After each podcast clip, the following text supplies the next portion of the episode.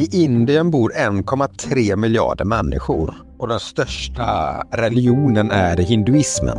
80 procent av Indiens befolkning är hinduer och det är världens nu äldsta levande religion som kommer från minst 2000 år före Kristus. För det som verkligen är hinduer så är gudarna inte mytologiska varelser utan det är verkliga. Det är alltså personer som har varit närvarande på jorden. Eller personer ska jag säga, det är väl gudar. Hinduerna tror alltså att de här gudarna finns och är fysiska personer men att de inte alltid syns. De flesta skapelsemyter handlar ju om att någon kom ner från himlen. Tänker ni på det och reflekterar så, ja, så kommer ni komma till den insikten att i nästan alla stora som små religioner så kom någon ner från himlen. Så även hinduerna. De tror alltså på eh, en historisk skildring som kallas Itasa. Itasa betyder historia. Om vi tar den kristna religionen så avbildas Gud exempelvis som en allsmäktig varelse. I vedaskrifterna förlitar sig gudarna ofta på tekniken istället. Det har fått eh, vissa då teoretiker att undra om det är eller om de här texterna egentligen inte handlar om gudar och på utan är utomjordiska varelser som eh, de har mött och tekniken är det som eh, beskrivs då. I det indiska eposet Mahabharata är det fullt av olika referenser och anknytningar till vad som låter som utomjordisk teknik. Det handlar om eh, flygande farkoster, vapen man kan styra med rösten, civilisationer har gått under. Det står exempelvis att en dag omringades jorden av eh, enorma städer. Här är det vissa teoretiker som säger då att enorma städer visste inte dåtidens befolkning hur de skulle beskriva, eller att rymdskepp ska jag säga, inte visste hur de skulle beskriva, utan att det sa att det var enorma städer som de såg i himlen. Men att det i själva verket var rymdskepp som kom ner och de här små rymdskeppen som kom ner från städerna, som det står i texterna, kallade de vimanor. Och ur dessa vimanor kom lärarna ut. Och beskriver dessa texter någonting som de faktiskt har sett, så är det här ju ett, ett väldigt tydligt bevis. Men det är också om texterna tolkas väldigt bokstavligt. Men om vi då tänker att eh, de har haft rätt i sin åskådning. Det kom enorma städer, alltså rymdskepp, kom ner och omringade jorden. Små rymdskepp kom ner från dessa städer och ur dessa kom det lärare som lärde människorna civilisation. Alltså att leva som en civilisation. Lyfte upp oss till en annan nivå. Det de också säger är att den personen som organiserade det här var Shiva. Shiva är väl den största hinduiska guden egentligen. Jag tror att ni alla har koll på den där. Och Shiva betyder ju också stor gud. Shiva har två funktioner. Den ena är förstörelse och den andra är skapelse. Sen avbildas han ofta också med ett öga i pannan, det tredje öga. Där det säger att när han öppnade det här ögat så kom det eld ut från det. Och allt som det här ögat ser blir totalförstört.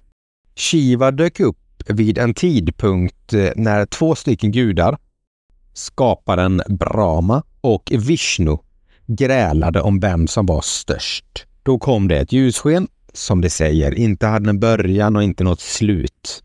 Och sen kom det en röst ur det här ljuset som sa att jag är den största. Jag är den största guden. Och Shiva på olika bilder och sådär omges nästan alltid med en, en rund cirkel som är lite strålar och sådär.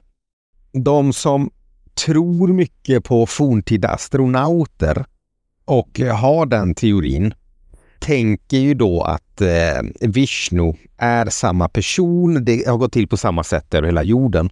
Det är bara det att alla de här olika kulturerna har ju fått besök av olika av de här städerna då och fått eh, sina lärare, men det är fortfarande samma gud. Men den här guden har fått olika namn.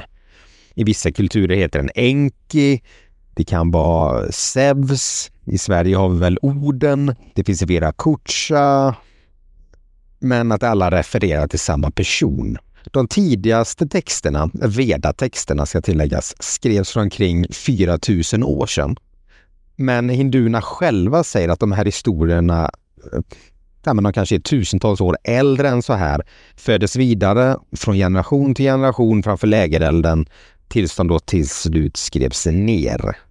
Och forntida astronauter säger ju då att Shiva kom ner till jorden innan den moderna människan fanns och före händelserna eh, som de beskriver i Bibeln, exempelvis syndafloden. För att även där den här översvämningen vi har pratat om i tidigare avsnitt, så återkommer det här också i väldigt många religioner, myter, legender. Att det kom en stor översvämning som utplånade en väldigt stor del av livet på jorden på, ja men, typ en dag.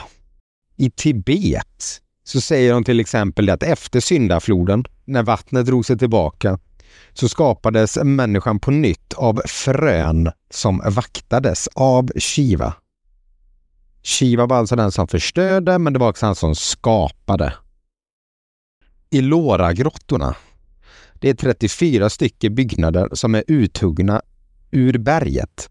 Det sägs att de här troligen är 600 till 1000 år efter Kristus. Och ett av de här grottorna är tillägnat Shiva. Det är tre våningar och dubbelt så högt som Parthenon i Aten. Och arkeologerna tror att det här högs ur, ur ett berg uppifrån och ner. Om ni kollar på bilderna på det här så är det ganska fantastiskt om det skulle vara så, för det är ett, ja, det är ett jävla jobb. Vissa historiker säger att det borde ha krävts ungefär 400 000 ton sten att frakta bort det här. Och sen tror även forskarna att det här har skett på 18 år. Hur de har kommit fram med den här siffran vet inte jag, men det vore ju det vore onekligen en bedrift. För då borde fem ton sten ha forslats bort ungefär varje timme. Återigen, kolla bilder på det här templet. Det är väldigt fint snidat och utbyggt och ja, då är teorin det då att de har huggit ut det ur berget. Men i de gamla vedatexterna så finns en apparat som heter Baumastra. Kan vara lite knackigt uttal där, men det här är en maskin som det säger kunde borra i berget och få det att, eh, ja, men egentligen att förångas. För att man har inte riktigt hittat all den här 400 000 ton stenen som det säger att de har grävt ut. Så det här då vore ju en rimlig, eh, ett rimligt alternativ om man nu tror på den här apparaten. Den nämns dock flera gånger den användes i metallgruvor, den användes i ädelsten. Och återigen, tolkar man det här bokstavligt så ja, då fanns det en sån apparat för tusentals år sedan som kunde förånga sten. För det finns också i det här templet, eller eh, i det här området, tunnlar. Vissa kan vara 12 meter djupa och de går liksom rakt in men de leder ingenstans. Så varför de har gjort de här tunnlarna, det, det vet man inte riktigt. Vad som är intressant med just den här apparaten är att det finns ju massa olika teorier om hur den äldre människan kunde göra sådana fantastiska stenbyggnader. Det finns H-formationer på stenar eller där det, det har sådana passform så inte ens ett kreditkort kan komma emellan. Lyssnar ni på den här podden så tror jag ni, ni har sett de här bilderna och vet vad jag talar om. Så det är inte omöjligt att det fanns en teknik förr i tiden som, ja, men som kunde ha med en typ av sån här apparat att göra. Det finns massa olika tankar och funderingar om det där. I Indien så hittade man också, men säg en hundra år sedan ungefär då, så hittar det en sanskrit-text i det kungliga biblioteket. Man vet inte riktigt hur gammal den här texten är. Vissa tror att den kan vara över 4000 år gammal. Men i den så står det i alla fall att eh, Eh, nu ska jag försöka mig på ett bra uttal här för att jag, jag får läsa till att eh, Sage Agastias samlade verk. Han var Shivas lärjunge och den första hinduiska siddhan. Siddha betyder mm, ja, men en perfekt person dessa personer har, eh, ja, men det har krafter som att krympa eller växa sig väldigt stora. Det kan flyga och Shiva anses vara den ultimata siddhan. Den första, den ursprungliga och ja, men, den perfekta. Enligt skrifterna hade siddorna avancerad teknik för att det är ju mästare av skapelsen. En av dessa siddor har skrivit, eh, eller fått en ganska konstig teknik till sig för att få skapat så lång tid före den egentligen borde ha funnits. Men en påstås exempelvis ha byggt en ångbåt, ett teleskop, ett lokomotiv, flera farkoster som på olika sätt kan flyga. Och Saga Agastia är också väldigt viktig för att han påstås ha fört den, den hemliga kulturen och den hemliga vetenskapen till Indien. Och när man läser legenden om honom så säger då vissa att man, man fattar att han har utbildats av utomjordingar. En som studerade de här sidorna sa att det här gamla manuskriptet gör, eller ger instruktioner om hur man gör ett elektriskt torrbatteri. Men det här batteriet dyker inte upp i, i våran värld om man säger så förrän på 1800-talet. Så hur vet man hur man ska göra redan då? Det finns alltså massa olika kopplingar till Indien och hinduismen och tron om forntida astronautteorin. Där ja, men det, det, kan låta mm, rimligt, ska jag inte säga, men i de här texterna då att det hittas olika instruktioner för batterier och uppfinningar som finns mycket, mycket senare. Om vi ska knyta an till Shiva igen då, så tror man att eh, Kailash är eh, Shivas eh, ja, men hemvist. Att det, det, är där han, han landade då, då. För vi säger att toppen på det här eh, Kailash påminner om en pyramid som är byggd av eh, människor och att det då skulle vara Shivas hem. Det ligger snö på det här så det är lite svårt att se. Eh, det finns bilder på detta också. Men det finns flera religioner som dyrkar det här berget och man får inte bli trädade. Och det säger även att många som har försökt beträda det här berget har dött när de har gjort det. Kina eh, tillåter inte någon att klättra på det här berget, vilket har gjort det väldigt svårt då, eller ja, omöjligt egentligen, att undersöka om toppen är eh, människogjord.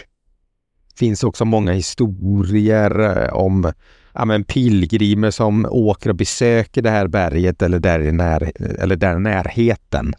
Eh, vissa säger att det åldras eh, väldigt snabbt om de stannar kvar där. Naglar och hår växer fortare.